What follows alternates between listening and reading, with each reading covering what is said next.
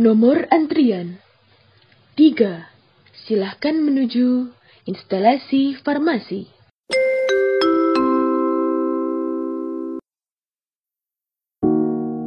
Malam itu senyap. Namun, suara pikiranku yang bercamuk begitu hebat merenggut kewarasan.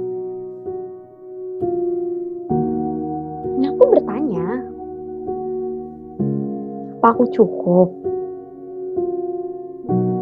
Apa esok akan baik-baik saja?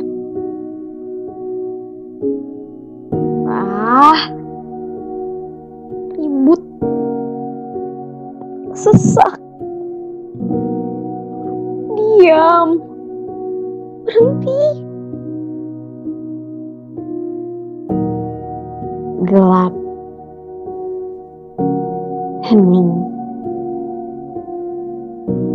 dingin. Dan kutemukan diriku meringkuk. Isakannya terdengar. Pedih. Kuberanikan diri untuk memeluk. Berusaha menggapai surai. Mengusap perlahan. Dan meyakinkan diri. Aku nggak apa-apa. Kamu pun nggak apa-apa. Semuanya wajar. Cara aku untuk mencari pertolongan. Kamu nggak sendiri. Ada aku. Klise. Tapi percaya. Akan baik-baik saja.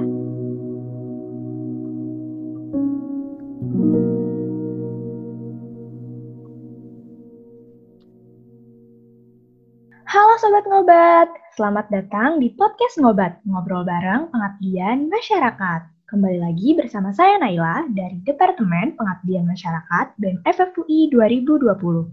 Pada episode ini saya nggak bareng Vetra, tapi saya buat teman baru nih. Langsung aja deh kalau gitu, kenalan Sob. Halo Sobat Ngobat, perkenalkan nama saya Anissa, biasa dipanggil Apit, dari Departemen Advokasi dan Kesejahteraan Mahasiswa BEM FFUI 2020. Pada episode kali ini, saya dan Naila yang akan menemani kalian. Sebelumnya, kami ingin mengucapkan Selamat Hari Kesehatan Mental Sedunia. Dalam rangka Hari Kesehatan Mental ini, kami ingin mengajak Sobat Ngobat semua untuk turut berdiskusi serta mengenal lebih dalam mengenai kesehatan mental, khususnya masalah yang sering kita alami nih sebagai mahasiswa, yaitu overthinking.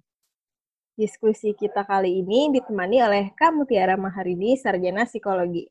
Kak Mahari ini menyelesaikan pendidikan strata 1 Psikologi di Universitas Indonesia pada tahun 2015. Dan sekarang ia sedang melanjutkan studi magisternya, yaitu Profesi Psikologi Klinis di UI juga. Kak Mahari merupakan co-founder dari Future Parents Project dan part of startup pendidikan 1% sebagai mentor loh. Kalau gitu langsung aja nih kita mulai ngobrol dan diskusinya bareng Kak Mahari. Halo Kak Mahari, boleh Kak? Kami Hai. Hai hai hai Apit, hai Naila, salam kenal ya semuanya. Halo teman-teman dari Farmasi UI. Aku dari fakultas agak sebelah-sebelah sebelah lagi gitu. Halo Kak Mahari, apa kabar nih Kak? Alhamdulillah baik ya di hari kesehatan mental ini eh, mencoba untuk sesehat mungkin sih sebenarnya. Kalau kalian gimana?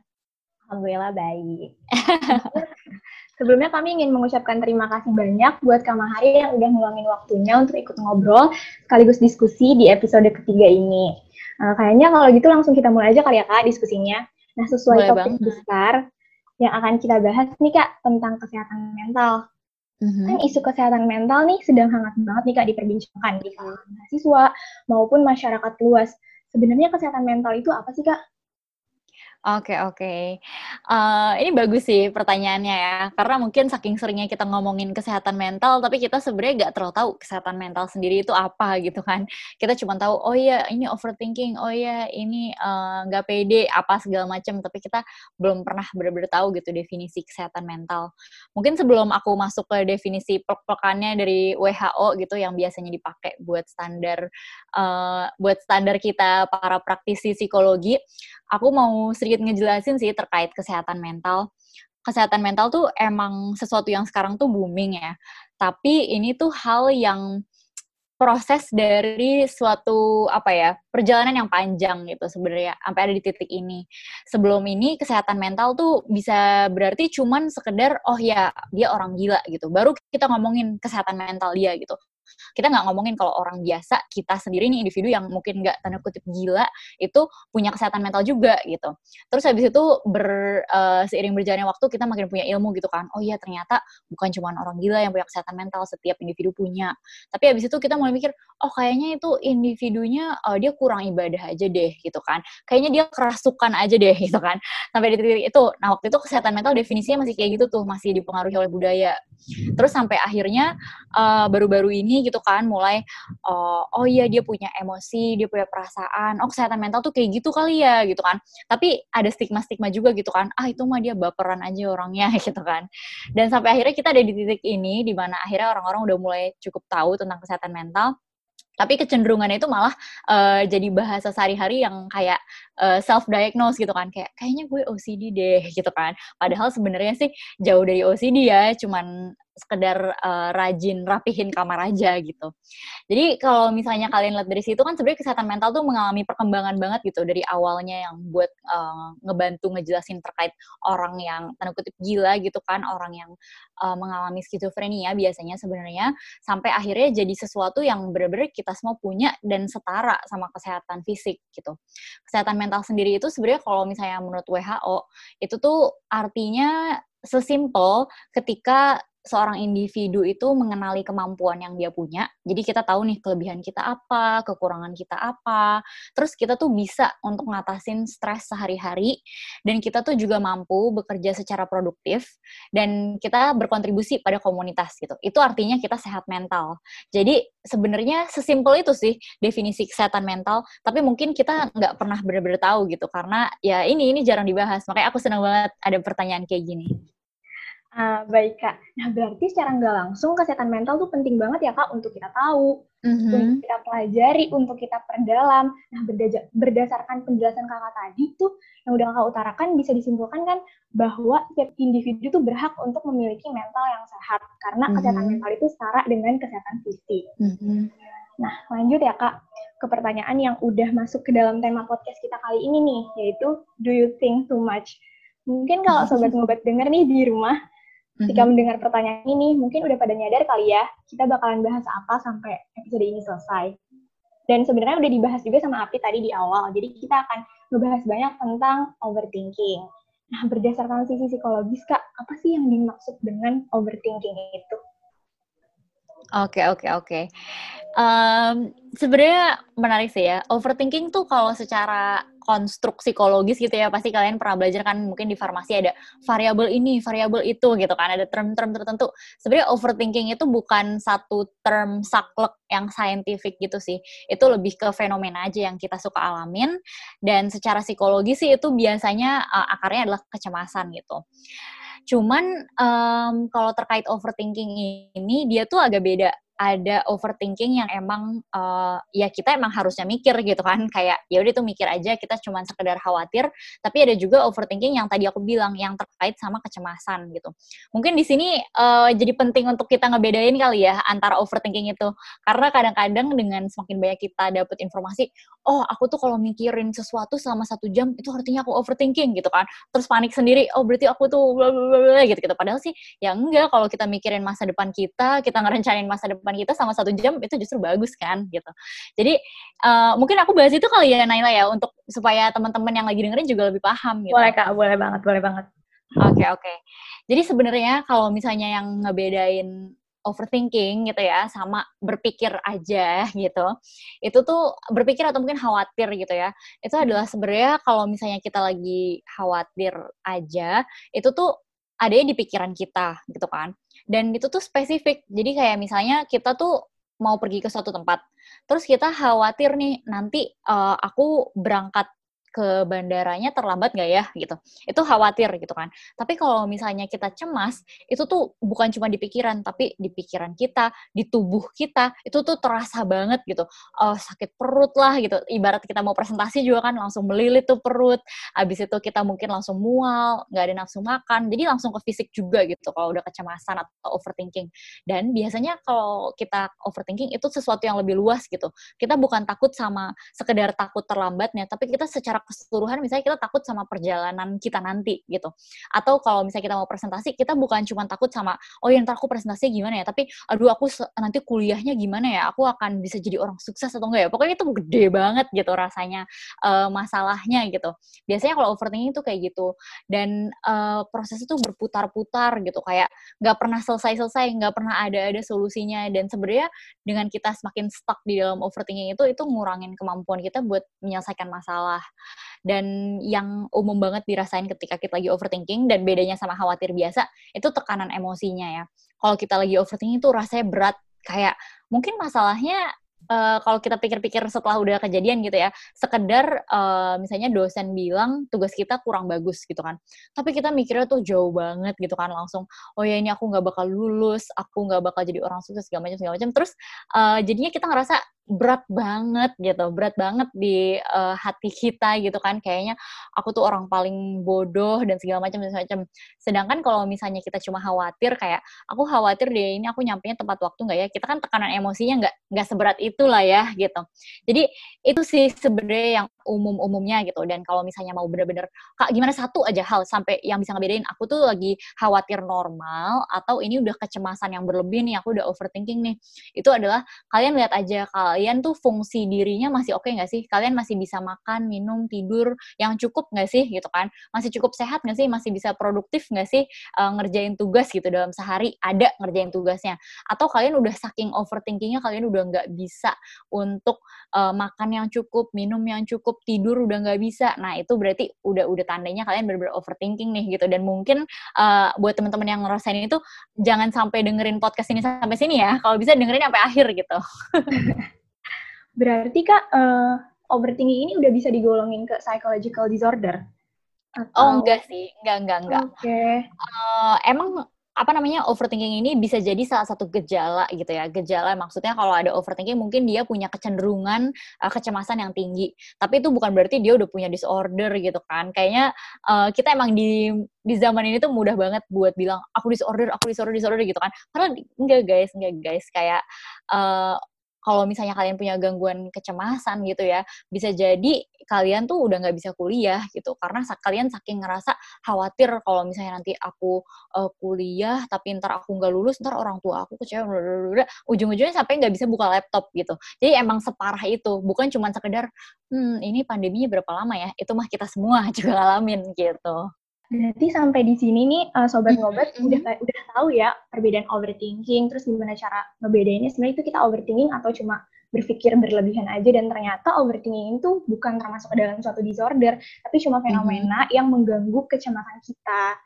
Nah, mm-hmm. tapi nggak mungkin kak tiba-tiba tuh kita overthinking aja. Ada nggak sih kak penyebab apa aja nih penyebab kita tuh merasa overthinking kayak gitu? Apa tuh kak? Oke okay, oke. Okay sebenarnya sih penyebabnya bisa apa aja ya, bener-bener bisa apa pun gitu kan. Bahkan bisa jadi nggak ada apa pun, tapi tiba-tiba kepala kita mau overthinking aja gitu kan. Cuman biasanya sih ada gitu, misalnya uh, kalian dimarahin dosen kalian, atau mungkin kalian berantem sama pacar kalian, atau mungkin kalian uh, orang tua kalian bilang kalau misalnya mereka uh, lagi kesulitan secara finansial gitu. Jadi ada suatu peristiwa gitu yang menyebabkan kita punya gejolak emosi gitu kan ada perasaan di mana terlibat di situ dan kita takut sih sebenarnya takut apa yang akan terjadi ke depannya gitu. Atau bisa jadi uh, kalau bukan terkait masa depan terkait masa lalu. Nyesel gitu kan. Kenapa ya dulu aku nggak kayak gini gini gini gitu kan. Kenapa ya tadi aku ngomong gitu gitu kan. Nah, uh, itu abis ada satu gejolak emosi itu menyebabkan itu. Cuman ya namanya hidup gitu kan pasti ada-ada aja gitu kan kejadian kayak gitu kita nggak mungkin oke okay, biar aku nggak overthinking aku nggak usah ngapa-ngapain. Nggak gitu juga gitu. Tapi um, itu salah satu gitu kan pasti ada kejadian tapi bukan masalah ada kejadiannya tapi lebih ke abis itu kita tahu nggak sih gimana cara regulasi emosi kita? Apakah kita malah mendem apakah kita, apakah kita malah meledak gitu kan. Nah itu tuh yang bikin overthinking sebenarnya. Ketika kita nggak bisa regulasi emosi kita jadinya uh, kita mendem kita meledak. Abis kita mendem atau meledak kita jadi overthinking lagi gitu kan. Uh, kayak siklus nggak uh, berakhir-akhir gitu. Dan itu tadi yang yang kedua gitu ya gejolak emosi. Terus yang ketiga itu adalah um, ketika kita punya suatu masalah tapi kita cuman apa ya cuman mikirin doang nggak nyelesai nyelesain itu jadinya overthinking. Ya gimana mau nggak di overthinkingin orang nggak diselesai selesai selesaiin gitu kan pasti kepikiran terus. Dan yang terakhir banget dan aku yakin ini kita semua di sini pernah ngalamin adalah karena kita terlalu sering membandingkan diri kita sendiri dengan orang lain gitu kan. Betul banget. Dan ngebandingin dirinya tuh kayak bener-bener misalnya eh, scrolling-scrolling gitu kan di Instagram. Ya ampun dia pinter banget. Eh ya ampun dia ini banget, dia itu banget, apa bla bla bla gitu kan. Tapi kita sendiri tuh cuman ngeliat terus ngerasa minder, ngeliat ngerasa minder, tapi kita nggak tahu sebenarnya emang kita pengen jadi orang kayak gimana sih? Emangnya kita pengen jadi kayak dia gitu kan?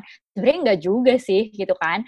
Nah, itu sih yang uh, akhirnya ngebuat overthinking ketika kita bandingin diri sendiri sama orang lain tapi tanpa tujuan. Kita nggak tahu uh, emang kita buat apa sih bandingin diri kita sama orang lain gitu. Jadinya kita cuma terbawa arus aja tanpa tahu sebenarnya kita emang mau ngapain, emang kita mau kayak dia dan lain-lain gitu. Intinya sih terbawa arus lah gitu. Hmm.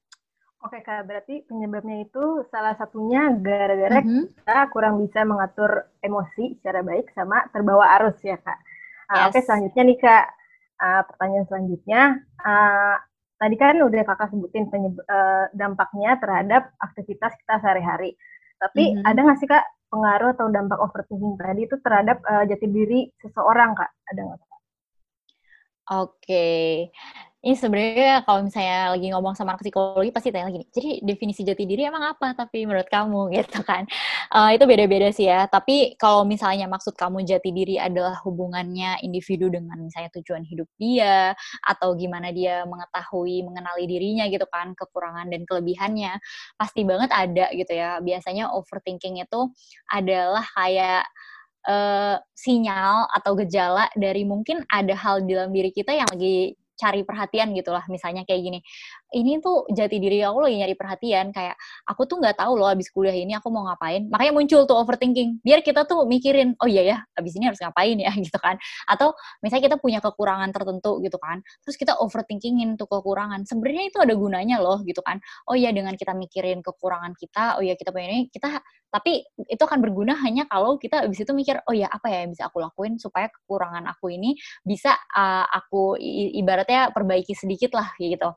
Nah jadi si overthinking ini berkaitan banget sama jati diri kita gimana kita tuh um, melihat diri kita sendiri gimana kita tuh mau gimana ya idealnya kita sebagai manusia mau kayak gimana itu semua akan tercermin di dalam overthinking kita kalau kita nggak me meluangkan waktu lah gitu untuk benar-benar mikirin emang kita maunya apa gitu.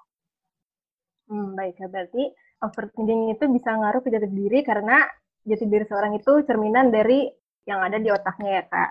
Uh, mm-hmm. Pertanyaan selanjutnya ini uh, ada nggak sih kak pengaruh dari overthinking terhadap kesehatan mental diri orang itu sendiri? Jadi sebenarnya overthinking itu tuh bisa membuat seseorang mempunyai gangguan kesehatan mental lainnya nggak sih kak? soalnya nggak jarang kita temui atau bahkan kita sendiri ngeklaim atau mm -hmm. self diagnose bahwa kita tuh sedang mengalami depresi atau anxiety uh, gimana tuh kak? Oke okay, oke. Okay.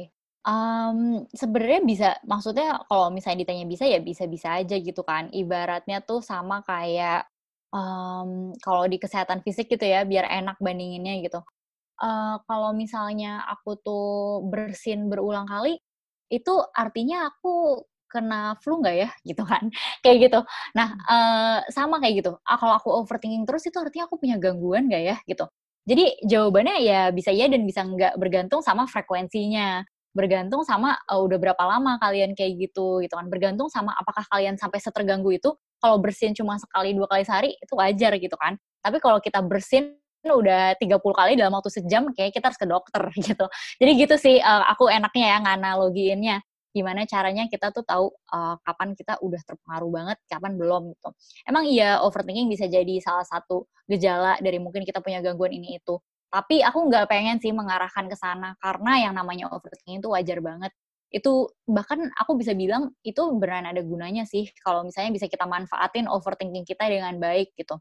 Kalau misalnya tiap kita overthinking kita malah dapet hasil, oh iya ya ternyata aku tadi ngerasa nggak enak, aku ngerasa hati aku nggak enak gara-gara buka Instagram, soalnya ternyata aku ngeliat si orang ini, dia tuh hebat, dia tuh pinter, dia berprestasi, dan ternyata aku tuh pengen juga loh kayak gitu.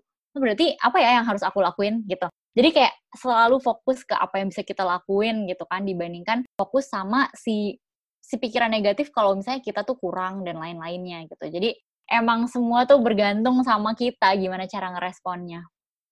Nah, berarti mm-hmm. overthinking itu mengaruh terhadap kesehatan mental kita ya. Tapi masih mm-hmm. wajar aja selama masih di batas wajarnya. Nah, yes. Oke, okay, kalau selanjutnya itu bagaimana sih cara kita menghandle diri kita yang misalnya nih detik ini juga kita sedang mengalami overthinking. Mm-hmm. Terus bagaimana sih cara ngerespon yang dengan benar ketika sedang menghadapi dan atau membantu teman-teman kita nih di rumah sobat ngobat yang sedang mengalami overthinking atau self diagnose. Oke, okay, oke, okay, oke. Okay. Uh, kalau misalnya detik ini juga ya, kita lagi overthinking, yang pertama banget uh, perlu kita lakuin adalah nenangin diri gitu. Nenangin diri tuh banyak banget caranya. Penting buat kita cari tahu sih, mana cara yang paling tepat buat kita. Tapi yang paling gampang, paling deket, paling nggak butuh banyak usaha, itu adalah uh, ambil air minum, terus minum dulu deh. Misalnya kalian lagi setegang itu, secemas itu, ambil air minum dulu deh minum beberapa teguk, abis itu kalian bakal ngerasa lebih tenang dikit, dikit gitu kan. Abis itu selain itu pernafasan pasti gitu ya. Coba uh, ada namanya teknik pernafasan 478 gitu. Coba tarik nafas dulu 4 hitungan, tahan 7 hitungan, abis itu buang 8 hitungan. Lakuin sekitar 3 sampai 5 menit gitu. Itu pasti pasti bakal bikin kalian merasa lebih tenang. Selain itu, kalian bisa banget coba untuk distraksi diri dulu gitu ya uh, banyak penelitian yang nunjukin kalau misalnya kita ngedistraksi diri kita selama dua menit aja, itu bakal ngebantu kita untuk keluar dari overthinking kita itu. Karena kan overthinking kalau diladenin bisa jadi setengah jam, satu jam, dua jam, nggak bisa tidur gitu kan. Tapi kalau misalnya kita ngedistraksi diri kita, uh, udah aku lagi overthinking nih, ya udah aku distraksi dulu misalnya. Ya udah aku tiba-tiba olahraga dulu atau tiba-tiba dengerin lagu dulu atau apa dulu. Itu bisa ngebantu kita keluar nih dari overthinkingnya.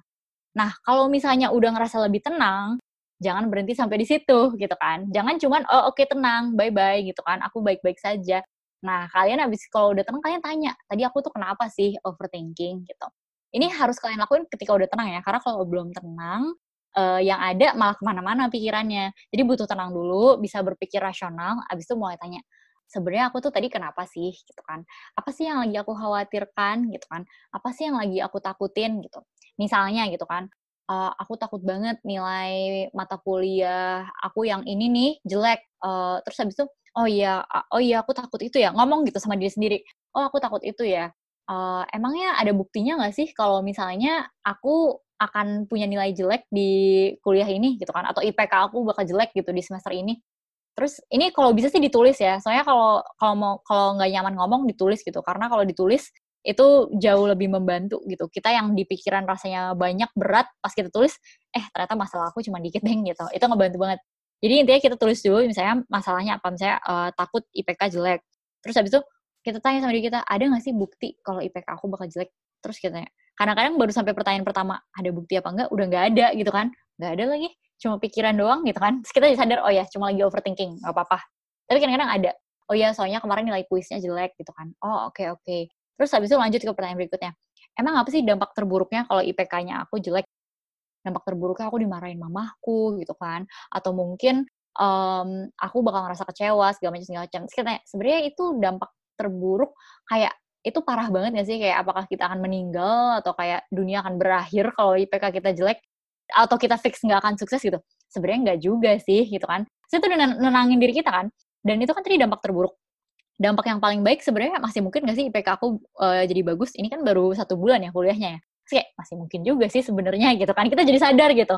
Terus habis itu yang terakhir tanya sama diri sendiri. Ini yang paling penting. Ya udah kalau gitu apa yang bisa aku lakuin supaya IPK aku nggak jelek? Nah, bisa kita fokus, oh iya, aku bisa bikin rencana ini, aku bisa belajar dari sini, segala macam segala macam gitu. Jadi itu sih yang penting banget buat di, dilalui dan dilakuin selama kita lagi ngerasain overthinking.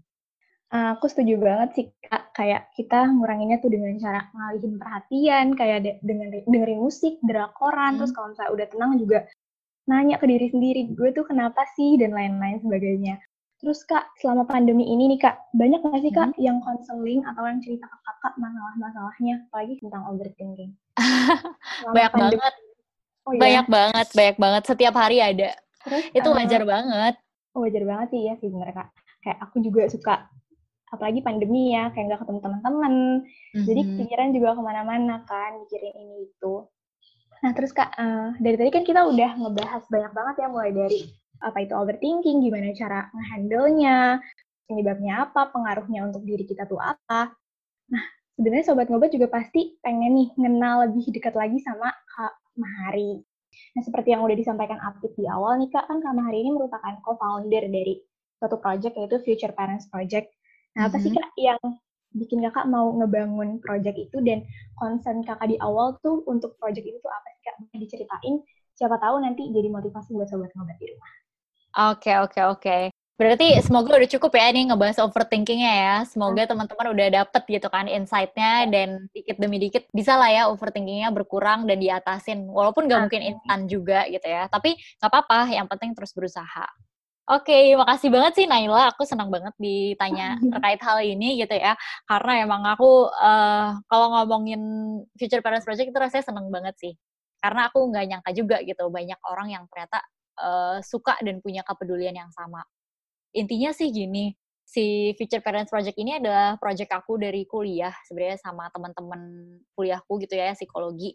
Dari ya tau lah ya anak psikologi kerjanya dicurhatin mulu gitu kan udah dicerhatin mulu, kita juga belajarnya gimana cara uh, untuk memahami orang lain, gimana caranya untuk ngatasin masalah orang lain gitu. Dan di situlah kita mulai mulai mengenali satu pola gitu. Ya ampun, kok banyak banget ya orang-orang yang masalahnya itu disebabkan oleh parenting yang kurang baik. Nggak uh, usah jauh-jauh, pasti kalian punya temen yang kerjaannya itu tuh ganta-ganti pacar, toxic relationship terus gitu kan udah diselingkuhin masih balikan lagi uh, atau enggak dia udah selingkuh kapok selingkuh lagi selingkuh lagi selingkuh lagi gitu. Aku bisa bilang ke kalian coba deh kalian tanya sama si teman kalian itu uh, orang tua kamu selingkuh juga nggak sih? Gitu. Itu bisa jadi jawabannya akan bilang iya gitu. Karena um, seberpengaruh itu gitu gimana orang tua kita dulu uh, ataupun sekarang ke diri kita di momen ini gitu. Mau orang tua kita pun udah meninggal gitu ya udah nggak ada tetap aja pengaruh mereka sebegitu besar ke kita atau nggak harus orang tua mungkin nenek atau kakek yang membesarkan kita gitu. Tapi intinya di situ mulai sadar banget wow ternyata orang tua tuh sebegitu besar pengaruhnya ke individu ke anak gitu kan. Akhirnya uh, kita mulai mikirin nih oh oke okay, oke. Okay. terus habis itu kita ngeliat oh tapi kok banyak juga ya teman-teman yang nikah muda gitu kan. Pengen cepet-cepet hamil pengen cepet-cepet punya anak. Karena ngeliat di Instagram bayi lucu-lucu gitu kan terus akhirnya kita tuh jadi kayak takut sendiri ya ampun gitu kan. Kalau misalnya iya pas kecil lucu gitu kan. Tapi kalau pas gede pada banyak uh, gangguan kecemasan lah pada ngerasa insecure lah karena parentingnya kurang baik ya itu gimana gitu kan. Itu bakal jadi masalah banget gitu. Dan mungkin kita ngerasain juga di generasi kita gitu kan. Banyak banget yang ngerasa nggak pede ngerasa insecure trust issues gitu kan. Karena permasalahan di masa kecilnya. Ya udah akhirnya gara-gara itu kita pikir apa yang bisa kita lakuin yang bisa kita lakuin adalah membangun suatu gerakan di mana kita nyebarin awareness terkait pentingnya belajar parenting, pentingnya persiapan parenting sebelum kita jadi orang tua nanti gitu. Jangan cuman persiapan fisik, iya iya udah nikah, uh, iya udah ke dokter, iya udah subur gitu kan. Tapi juga persiapan mental gitu. Apakah kita udah cukup uh, siap secara mental sih untuk jadi orang tua gitu kan? Bukan cuman anaknya loh yang nanti harus jadi A B C D E, orang tuanya udah jadi A B C D E belum gitu kan. Jadi itu sih yang uh, terus-menerus berusaha kita sampaikan uh, berulang kali dan dengan penuh semangat sih kalau ngomongin hal ini ya. Karena aku rasa ketika generasi kita nanti uh, benar-benar bisa belajar, bisa punya awareness terkait hal ini, kita bisa jadi orang tua yang keren banget gitu kan. Dan kalau kita udah jadi orang tua yang keren, kita juga bisa uh, ngebesarin anak yang keren-keren juga gitu, yang nggak uh, nggak minder, nggak insecure dan bisa ngelakuin banyak hal. Dan satu lagi hal yang pengen aku bilang terkait Future Parents Project ini adalah kita tuh juga nggak pengen ya nyalah-nyalahin orang tua kita dulu. Iya, mungkin kita kayak gini karena orang tua kita dulu, tapi coba lihat suasananya gitu ya, lihat kondisinya. Mungkin mereka sendiri juga diperlakukan kayak gitu sama orang tua mereka. Sehingga mereka cuma tahu taunya tuh parenting ya kayak gitu gitu. Mereka tuh cuma ngulangin. Dan yang namanya ilmu psikologi, ilmu parenting itu relatif baru banget gitu kan. Uh, mungkin di momen mereka ngelahirin kita belum ada juga ilmu-ilmu kayak gitu. Nggak segampang sarang tinggal buka Instagram. Jadi daripada kita banyak ngabisin tenaga kita buat marah sama mereka, lebih baik tenaga itu kita transformasikan, kita ubah jadi energi yang kita pakai buat belajar supaya nanti kita bisa jadi orang tua yang baik. Keren banget nih pengalaman Kak Mari sebagai co-founder dari Future Parents Project. Sama bisa membuat kita melihat dari sisi lain nih dari parenting ya Kak. Ah, tidak terasa nih Kak, udah sampai ke pertanyaan terakhir aja. Ah, dari mm -hmm. Kakak sendiri, ada nggak sih Kak pesan untuk sobat ngobat di rumah nih yang sedang uh, mengalami struggle dalam menghadapi over, overthinkingnya yang nggak selesai itu atau uh, dalam menghadapi uh, isu kesehatan mental lainnya ada nggak kak? Oke okay, oke. Okay.